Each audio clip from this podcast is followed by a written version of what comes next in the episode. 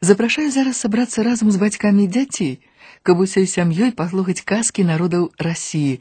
Вы даведаецеся о прыгодах мядзведзя, лісы, дзіка і ваўка, двух ханаў, пазнаёміцеся з кемлівым дзюрманам, а таксама паслухаеце пра паляўнічага і надакучлівую жонку.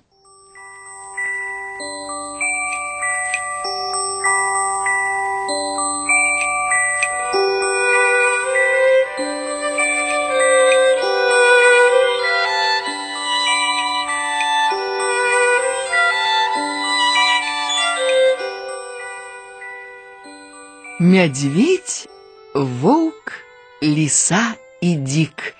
Адыейская народная казка.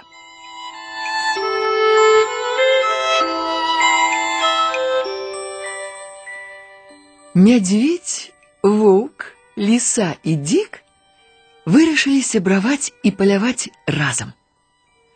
Усю здабычу будзем дзяліць пароўну, сказаў воўк. Цэлы дзень праблукалі яны па лесе, але нічога не знайшлі.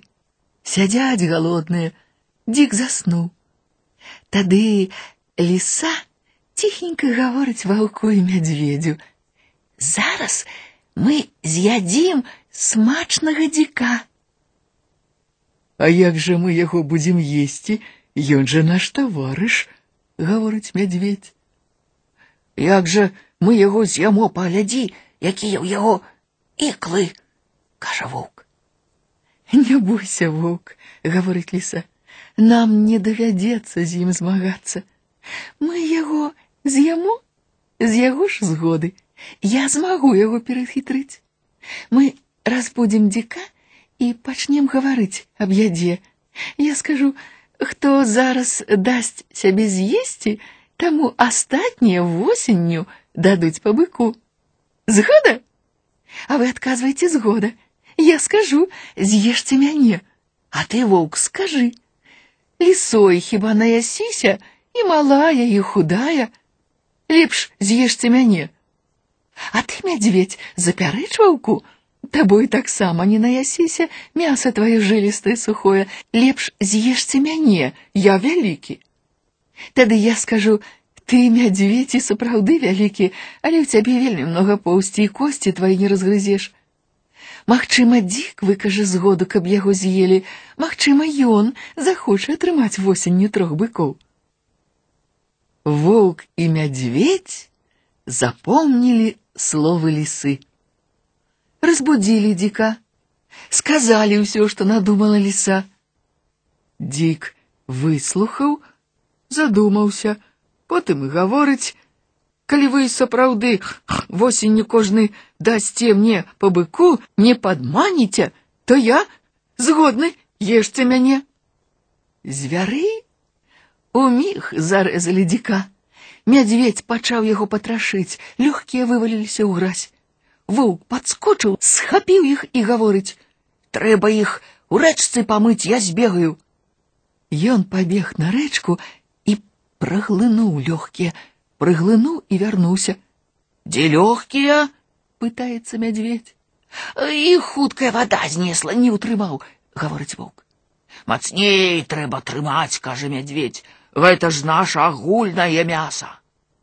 Тут выпала пячонка. Воўк схапіў пячонку і гаворыць: трэба яе ў рэчцы памыць, я збегаю і пабег. Мацней трымай, крикнул след медведь. Я так само хочу пячонку посмаковать. Волк проглынул пячонку и вернулся. Где пячонка? кричит медведь. О, и зноў хуткая вода знесла, гаворыць воўк. Ты лжешь? Ты сам усё сожраў, кажа медведь. Зараз я цябе навучу сумленню. Волк кинулся ў лес. Мядзведь за ім дагнаў, пачалі біцца. Тады ліса ўзяла тушу кабана, адцягнула ў бок і закапала ў яму. Прысыпала зямлёй пушыстым сваім хвастом, зараўняла, не згледзеш, і вярнулася на старое месца. Села, чакае таварышу. Воўк з мядзведзем пабіліся, памірыліся, вярнуліся, глядзяць, нічога зразумець не могуць. Дзе мяса? пытаецца мядзведь. Дзе туша дзіка?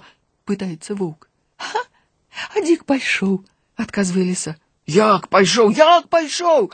А так, апрануў шкуру і гаворыць: Такія падманшчыкі, што адзін у аднаго мяса крадуць, такія разбойнікі, што з-за яды грызуцца, восенню не толькі быка, бычынага хваста не дадуць.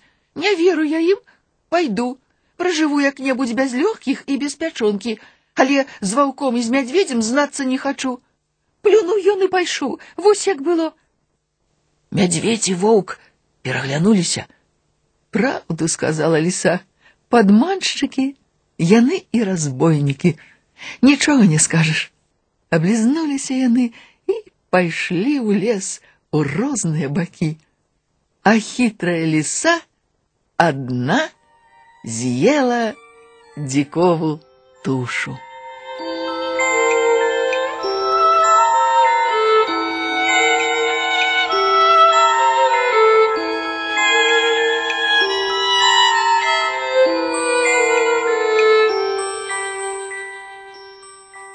Два ханы.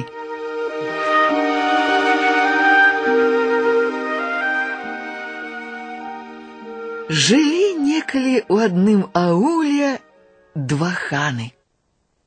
Яны часта хадзілі адзін да другога ў госць. Абое былі вельмі багатыя і вельмі ганарыліся сваім багаццем. Аднойчы да першага хана прыйшоў малады хлопец з далёкага аула і кажа: Я хачу наняцца ў пастухі. Хану трэба быў пастух.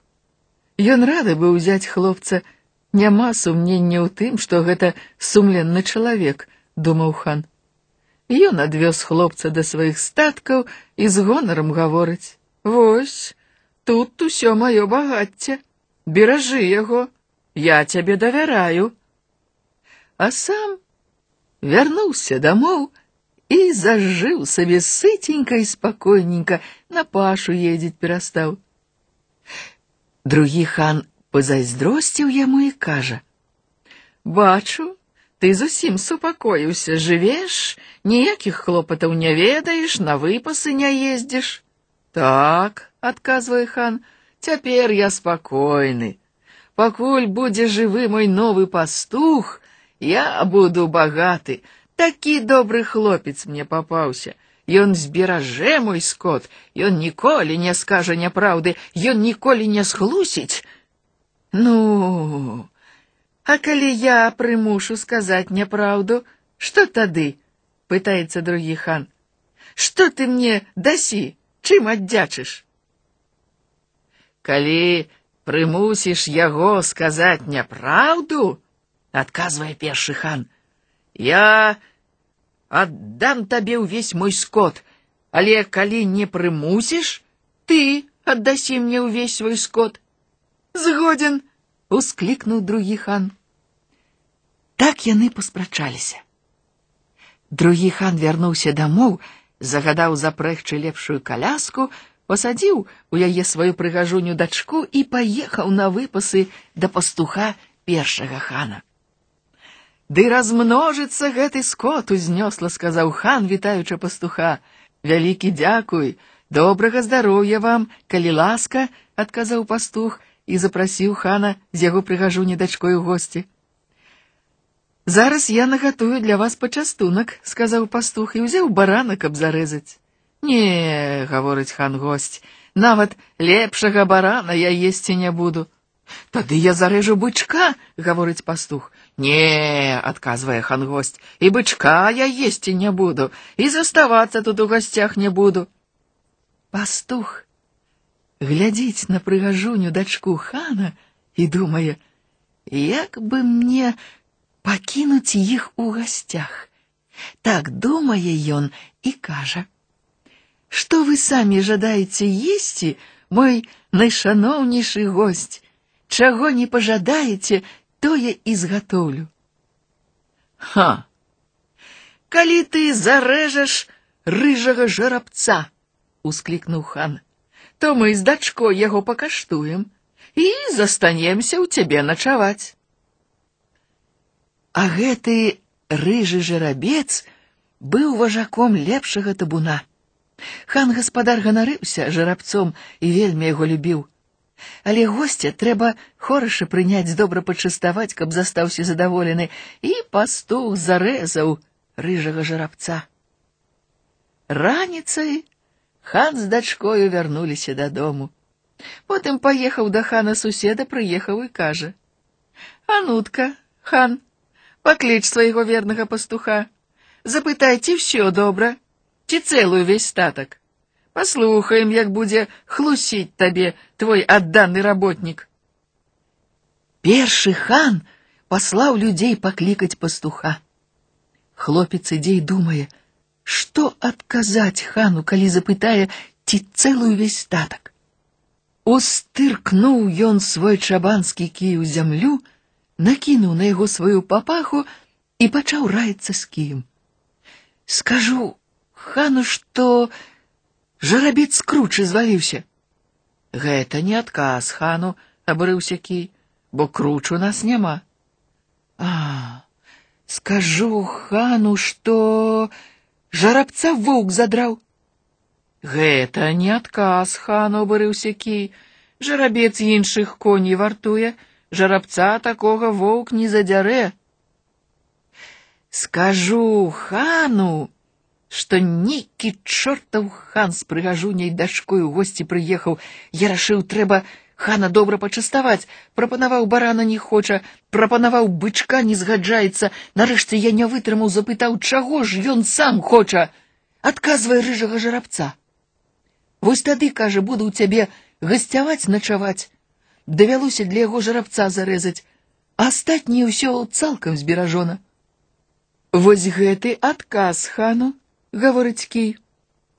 Ты знайшоў правільны, пераканаўчы адказ, цяпер ідзі не бойся. Пастух надзеў папаху, узяў у рукі кій і пайшоў да гаспадара. А там ужо сядзіць хан сусед, што ў яго на выпасы гасцяваў.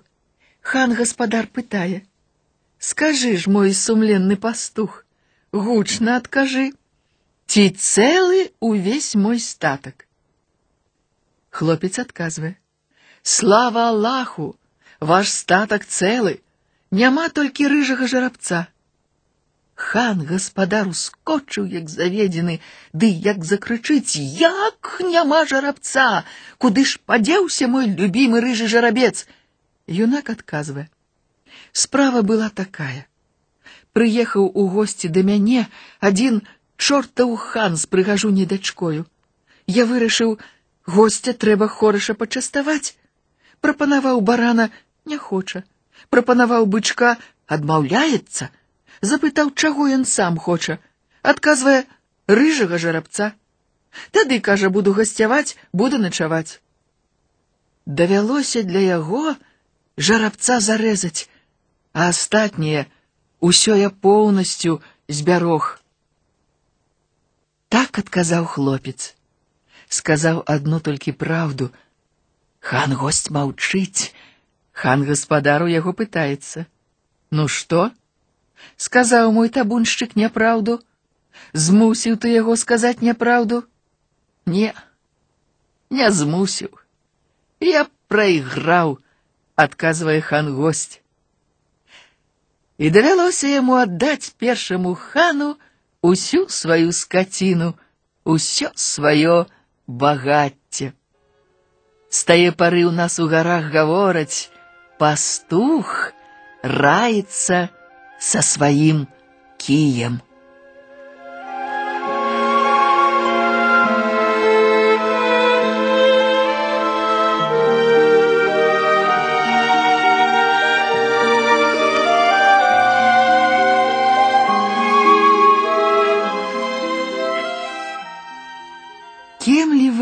Дюрмян – башкирская народная каска.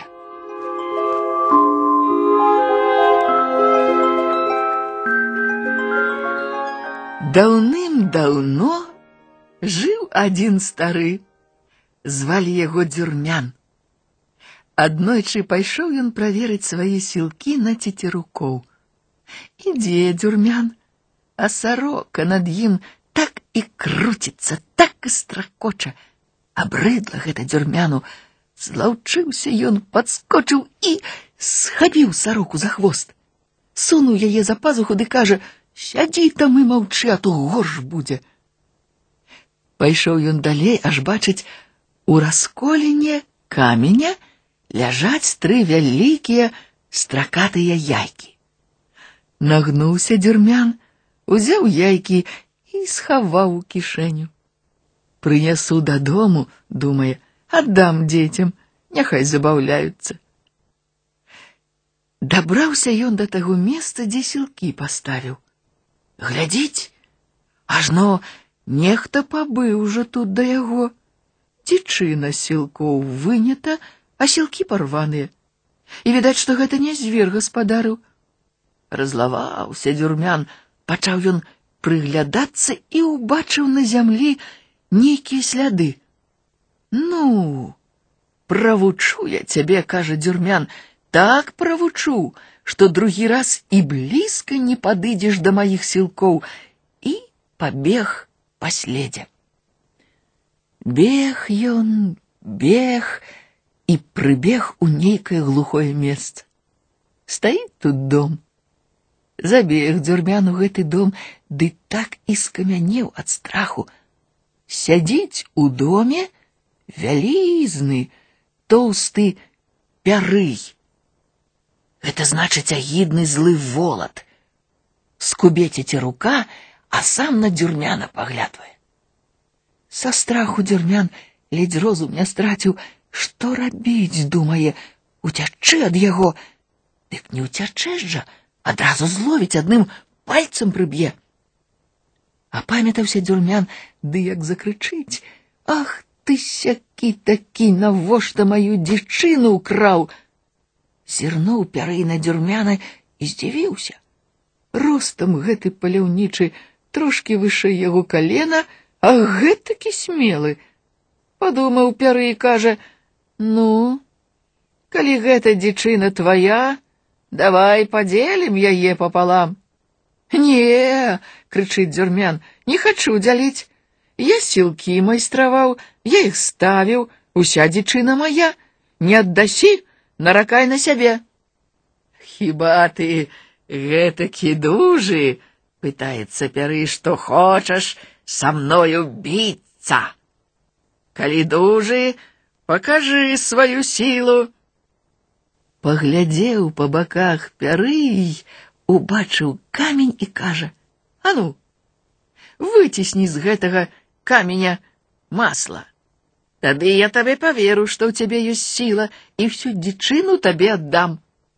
Дзярмян крычыць: « Спачатку ты сам выцісні, спачатку ты сваю сілу пакажы. Пярый сціснуў камень у кулаку, рассыпаўся камень на мяккі пясок, разняў пяры руку і кажа: « Бачыў?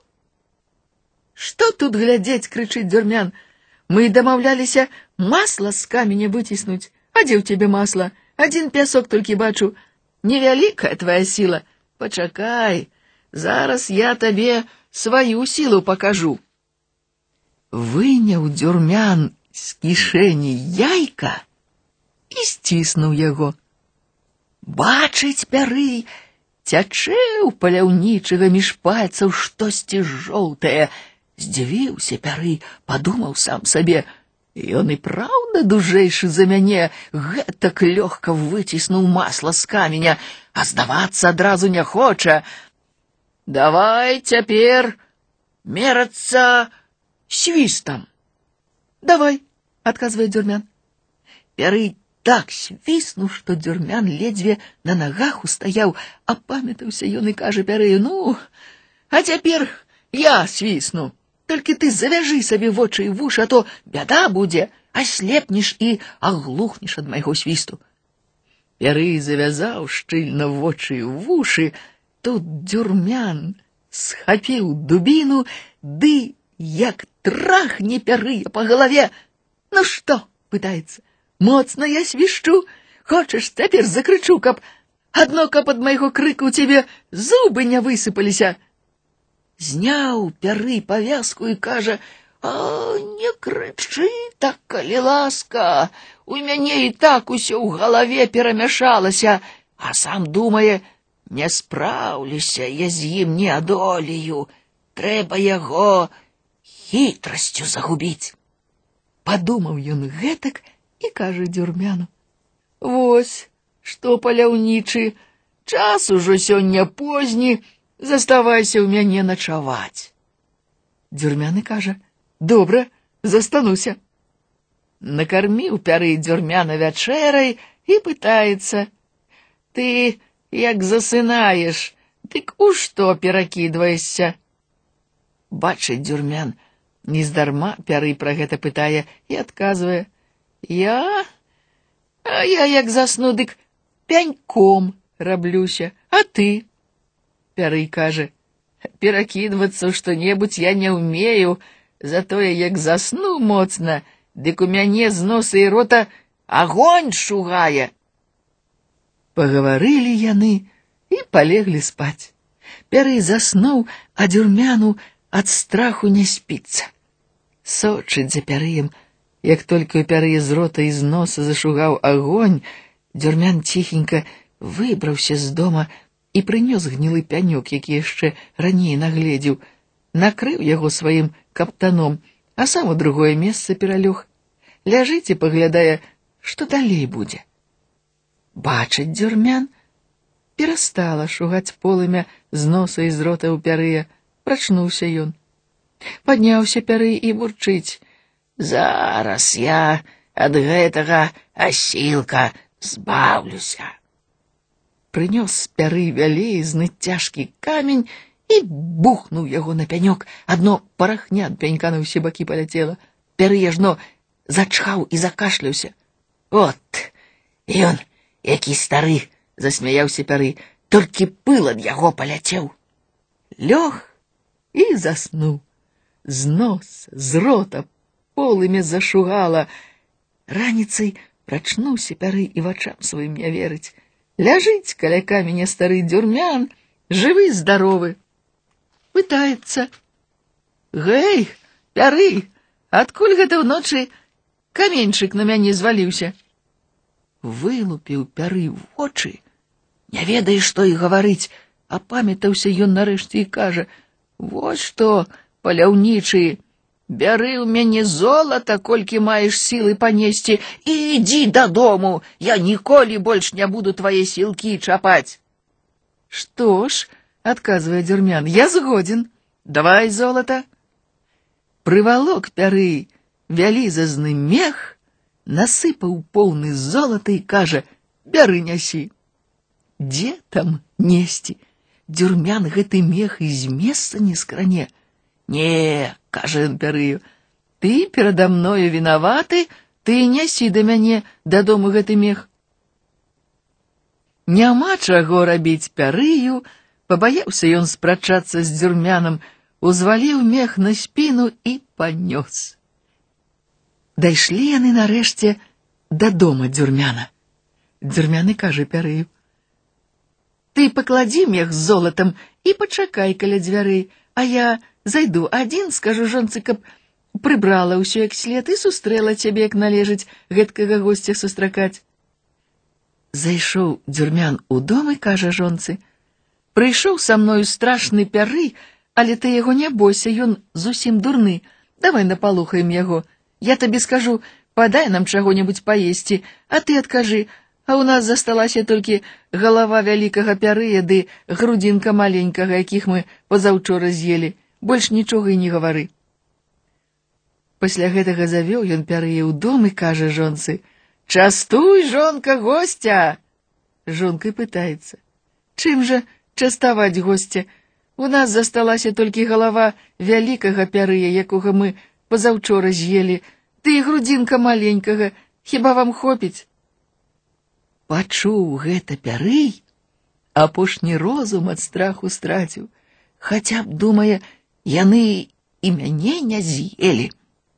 Выскачыў з дома і пабег без аглядкі, Бежыць пяры галавой аб яліны, аб хваіны стукаецца, а насустрач яму лісіца. Пытаецца ў яго лісіца: « Куды гэта пяры, ты так бяжыш? Чаго спалохаўся? Чаму у цябе ўся галава ў крыві? Ад паляўнічага дзюрмяна ўцякаю, адказвае пяры, ад вялікага асілка. І расказаў, які асілак гэты дзюрмян. Ледзьве ад яго уратаваўся, кажа. Дурань ты, смяецца лісіца. У гэтай вёсцы ён сярод слабых, самы слабы. А шукаў ён цябе, а ты паверыў яму, хадзім разам асілак, распраўся з ім як след.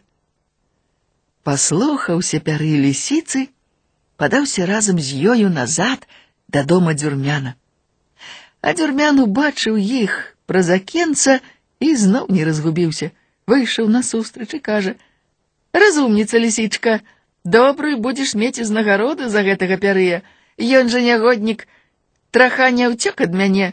Давай яго хутчэй сюды, зараз мы яго з'ядзім і цябе пачастуем. Ага, падумаў пярый, гэтая лісіца, відаць, заадно з ім. Здратніца яна, забіць яе за гэта трэба. Схапіў ён лісіцу за хвост, бразнуў яе з усяе сілы, воб землю і пабег на скрут галавы. А дзюрмян закрычаў яму наўздагон: « Трымай яго, хапай яго. Пасля гэтага дзюрмян з лісіцы шкуру злупіў, сабе шапку пашыў і зажыў спакойна і весела. Кажуць, і цяпер яшчэ жыве. Казка моя пайшла туды, а я прыйшла сюды.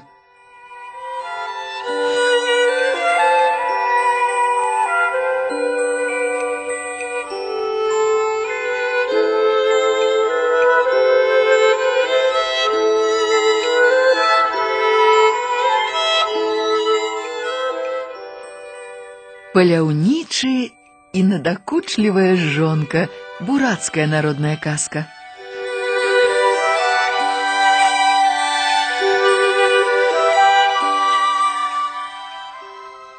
У пракаветныя далёкія гады жыў на свеце смелы паляўнічы, трапны стралок. Ніводнага разу ён не прамахнуўся, не вярнуўся да хаты без здабычы. Ды вось аднойчы ўвесь дзень ён валачыўся па лесе і да самага вечара не напаткаў ні звера, ні птушкі. Стомлены, змораны, улёгся ён спаць. Спіць і бачыць дзіўны сон. Апаў на яго жоўты туман, а потым і пярэсты наплыў. Прачнуўся паляўнічы бачыць, набліжаецца да яго жоўты туман, Перапалохаўся ён, схапіў лук, прыладзіў стралу, але з туману пачуўся чалавечы голас: « Не страляй, смелы паляўнічы, я не прычыню табе зла. Туман зрабіўся яшчэ гусцейшы і абярнуўся ў жоўтага змея з пярэстымі грымучымі крыламі. Сказаў пярэстакрыла змей: « Давай сябраваць, смелы паляўнічы, трапны стралок, мне патрэбна твая дапамога. Шмат гадоў я змагаюся з жаўтакрылым змеем і не магу яго адолець. Разам мы яго адужаем. Я гатовы табе дапамагчы, адказаў паляўнічы. Тады пайшлі ў тую даліну, дзе будзем біцца, сказаў пярыстакрылы змей. Прыйшлі яны ў шырокую даліну. Доўга мы будзем біцца, сказаў пярыстакрылы змей. Мы тройчы ўзнімемся пад неба і тройчы вернемся на зямлю. Калі мы ўзнімемся чацвёрты раз, мой вораг мяне адолее, возьме верх. Калі мы спусцімся, ён будзе наверсе, я пад ім, тым часам не маруць, я павярну яго жоўтую галаву да цябе, а ты страляй у яго адзінае вока. Гэтае вока ў яго на лобе, на самай сярэдзіне, а зараз схавайся ў гэту яму, хутка жаўтакрылы змей кінецца з неба проста на мяне. Паляўнічы прытаіўся ў яме. Неўзабаве з неба наляцеў жаўтакрылы змей, пачалі яны біцца. Змеі, шчапіўшыся, тройчы ўзнімаліся пад неба, тройчы вярталіся на зямлю, сілы былі роўныя, але вось Узняліся яны пад неба чацвёрты раз, і жаўтакрылы змей адолеў перыстакрылага. Калі яны спусціліся, жаўтакрылы быў наверсе, а перыстакрылы пад ім, ды перыстакрылы хутка павярнуў галаву свайго ворага да паляўнічага, трапны стралок гэтага і чакаў, цеціваў яго лука была напята, яму хапіла імгненне, каб выпусціць стралу і пранізаць жоўтае вока жаўтакрылага змея, і адразу ж на зямлю апусціўся жоўты атрутны туман, ад якога ўсе дрэвы ў лесе пасохлі, а ўсё жывое вымерла. Паляўнічага уратаваў пярэстакрылы змей, ён прыкрыў свайго сябра магутнымі шчыльнымі крыламі і пратрымаў яго пад імі тры дні і тры ночы, покуль жоўты туман не сышоў. А калі зноў заззяла сонца, пярэстакрылы змей сказаў: мы перамаглі небяспечнага ворага, дзякуй табе паляўнічы. Жаўтакрылы змей вельмі шмат паспеў нашкодзіць. Кожны дзень ён патрабаваў звярыны ды лавіў вогненных змеяў маіх падданых. Калі б не ты, то ён забіў бы мяне і паеў бы ўсіх вогненных змеяў. Хадзем да мяне ў госці, убачыш мой палац, маіх падданых, маіх старых бацькоў. Паляўнічы згадзіўся, і яны са змеем спусціліся ў глыбокую яму, а адтуль па падземных хадах трапілі ў палац, які ўвесь ажно зіхацеў ад золата і каштоўных камянёў.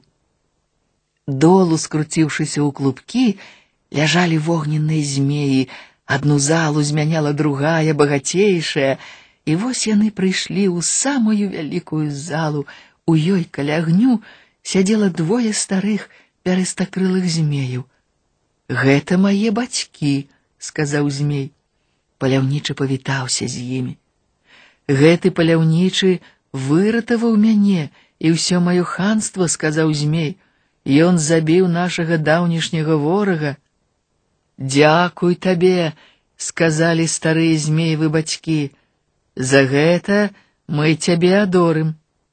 Захочаш дамо табе золата і каштоўных камянёў, колькі здолееш панесці, а не навучым размаўляць на сямідзесяці мовах, і ты зможаш разумець гаворку птушкі, звера і рыбы, выбірай. Навучыце мяне разумець птушку, звера і рыбу, сказаў паляўнічы. Возьми лепей золата і каштоўнасцяў, сказалі старыя змеевы бацькі. Таму, хто ведае семдзесят моў, жыць нялёгка. Не, золата не хачу, стаяў на сваім паляўнічы. То няхай будзе па-твойму, сказаў стары перыстакрылы змей. З гэтай хвіліны ты ведаеш семдесят моў. З гэтай хвіліны ты чуеш, як размаўляюць птушка, рыба і звер. Але гэта таямніца. Ты павінен таіць яе ад людзей. Калі хто ўведае, ты ў той жа дзень памрэш. Паляўнічы развітаўся з ханствам пярэстакрылага змея і пакіраваў да хаты. Ідзе па лесе і радуецца. Разумее ён усё, што кажуць між сабою і звярына і птушкі. Выйшаў паляўнічы з лесу. Вось і юрта. Зайду ў яе, думае ён. А сабака брэша, сюды не заходзь, хоць гэта і багатая юрта, ды гаспадар наш скнара тут табе не толькі мяса, малака не дадуць. Паляўнічы пайшоў далей. Каля наступнай юрты сабака брэша. Заходзь сюды, чалавеча, Хоць і беднякова гэта юрта, але гаспадар наш добры, ён цябе пачастуе. У нас усяго адна карова, але гаспадар дасць табе малака. У нас усяго адзін баран, але гаспадар заколе дзеля госця апошняга барана. Паляўнічы зайшоў у юрту да бедняка. Гаспадар ветліва з ім павітаўся, пасадзіў на ганаровае месца. Гаспадарова жонка прынесла госцю піялу з малаком. Бедняк прапанаваў паляўнічаму, пераначаваць, а пад вечар закалоў для яго чорнага барана. Калі яны вячэралі, сабака попрасіў: « Добры госць, выпусці з рук баранову лапатку, я схаплю і выбегу, на цябе гаспадар не зазлуе. паляўнічы выпусціў лапатку. Сабака схапіў яе і ўцёк, а потым і брэша. Добрый гость пачаставаў мяне смачнай лапаткаю, не буду спаць усю ноч, буду сцерагчы юрту. Уночы прыйшлі ваўкі. Спыніліся каля бедняковай юрты і выюць: Зараз мы зарэжем коня. У майго гаспадара адзін адненькі конь, нельга яго есці. Калі падыдзеце бліжэй, то буду моцна брахаць, прачнецца гаспадар, прачнецца яго госць паляўнічы, кепска вам будзе. Ідзіце хіба лепш да багатыра, зарэжце яго тлустую шэрую кабылу, у яго коней шмат, а сабакі галодныя, яны не захочуць на вас брахаць. Пайшлі ваўкі да юрты, у якой жыў багатыр. Падышлі і выюць.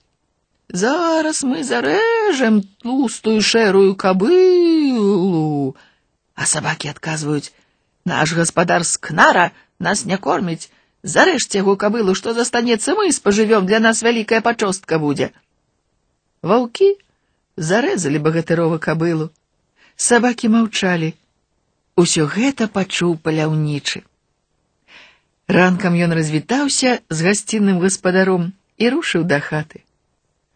Недалёка ад хаты сустрэлі яго сабакі стары брэша, наш добры гаспадар ідзе, малады брэша, добра, што наш гаспадар вярнуўся. Сабакі падбеглі да яго труцца каля ног. Дзе ж ты так доўга быў, без цябе нам блага было, гаспадыня нас рэдка карміла і часта біла. Паляўнічы зайшоў у юрту і пытаецца ў жонкі: « Ты чаму без мяне кепска сабак карміла? Чаму ты іх біла? Я іх карміла і не біла. Што гэта ты прыдумляеш? Нічога не адказаў паляўнічы. Аднаго разу, калі яны паляглі спаць, паляўнічы пачуў, як у юрту забеглі адна за адной дзве мышы. Першая мышы кажа: « Я ведаю, што тут ёсць малочнае возера. Зараз мы з табою удосталь нап'ёмся смачнага малака. Мышы падышлі да чана з малаком. Першая мыш зноў кажа: « Спачатку я буду піць, а ты трымай мяне мацней зубамі за хвост. Калі нап'юся, то цябе патрымаю. Першая мыш пачала піць. Другая крычыць: « Ну хопіць, бо лопнеш, нельга шмат. Першая адказвае: « Яшчэ тры разы каўтну, пачакай, дужа смачнае малако і зноў п'е. Напілася і крычыць: « Цягні, болей не магу. Пачала піць другая мыш, а першая трымае яе за хвост. Мацней трымай мяне, глядзіш, не выпусці, крычыць другая мыш. Але першая выпіла зашмат малака, яна ікнула і не ўтрымала сяброўчын хвост. Другая мыш плюхнулася ў чан і пачала тапіцца. Што я цяпер буду рабіць без сяброўкі, крычыць першая мыш. Ратуйце, ратуйце, таплюся, крычыць другая мыш. Паляўнічы, які ўсё гэта чуў, засмяяўся, устаў з ложкай, выцягнуў мыш з чана. Але калі зноў улёгся, жонка надакучыла роспатамі. Чаму ты засмяяўся? Ты, пэўна, з мяне смяяўся. Чаго ты ўставаў? Вымаў мыш з малака? А як ты даведаўся, што мыш упала малако? Маўчыць паляўнічы. Тады жонка і кажа: « Ты, пэўна, штосьці ведаеш. Ты супраць мяне нешта надумаў. Ты ад мяне ўвесь час хаваешся. Нарэшце паляўнічы не ўтрываў. Я не магу табе паведаць праўду, калі раскажу, то адразу і памру. Але жонка не сунімаецца наадварот яшчэ больш настае, хоць памры ды скажы. Доўга паляўнічы трываў, а потым і кажа: « Ну добра, слухай, а ты ўсё падрыхтуй да маёй смерці да майго пахавання. Жонка злавіла самага лепшага коня, прынесла самую прыгожую аброць, самае дарагое сядло, паляўнічы загадаў павесіць лук і калчан са стрэламі на хаймор тэнгі, слуп у юрце за ачагом. Потым загадаў прынесці і павесіць там сваё лепшае адзенне. Жонка згатавала дзесяць катлоў малочнай гарэлкі, прывязала каля юрты гнядую кабылу чорнага барана, каб закалоць іх для гасцей. Ну, Цяпер усё гатова да твайго пахавання для памінак, сказала яна, а зараз кажы.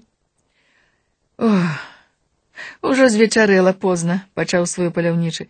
Сёння апошні раз пераначую дома, а заўтра ўсё раскажу і на той свет. Прачнуўся ён вельмі рана.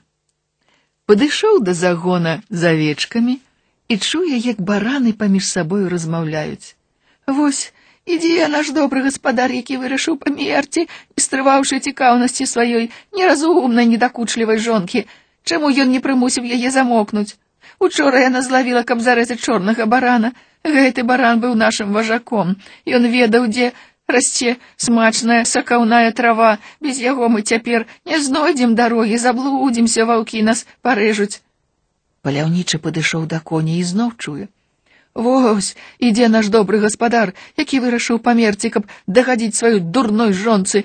Учора яна злавіла, каб зарэзаць гнятую кабылу, якая бараніла нас ад ваўкоў. Без яе нам будзе вельмі кепска. Паляўнічы падышоў да кароў. Бык кажа: « Вось ідзе наш добры гаспадар, які не можа справіцца з адной дурною жонкаю, а ў мяне вунь колькі жонак, і ўсе яны мяне слухаюцца. Паляўнічы вярнуўся да юрты, а там сабакі брэшуць. Стары кажа: « Мне добра, жыць засталося нядоўга, нядоўга і трываць пабоі нашай злоснай гаспадыні. А малады кажа: « а я і не збіраюся трываць пабоя. Як толькі наш добры гаспадар памрэ, я ўцяку. Паляўнічы зайшоў у юрту, а жонка на месцы не ўседзець, усё бурчыць, бубніць. Ну, хутчэй расказвай, хутчэй, глядзіш, а нічога ад мяне не ўтойвай. Я ўсё хачу ведаць, усё як ёсць. Тут паляўнічы не стрываў, разлаваўся на з надаедлівую жонку і прагнаў яе.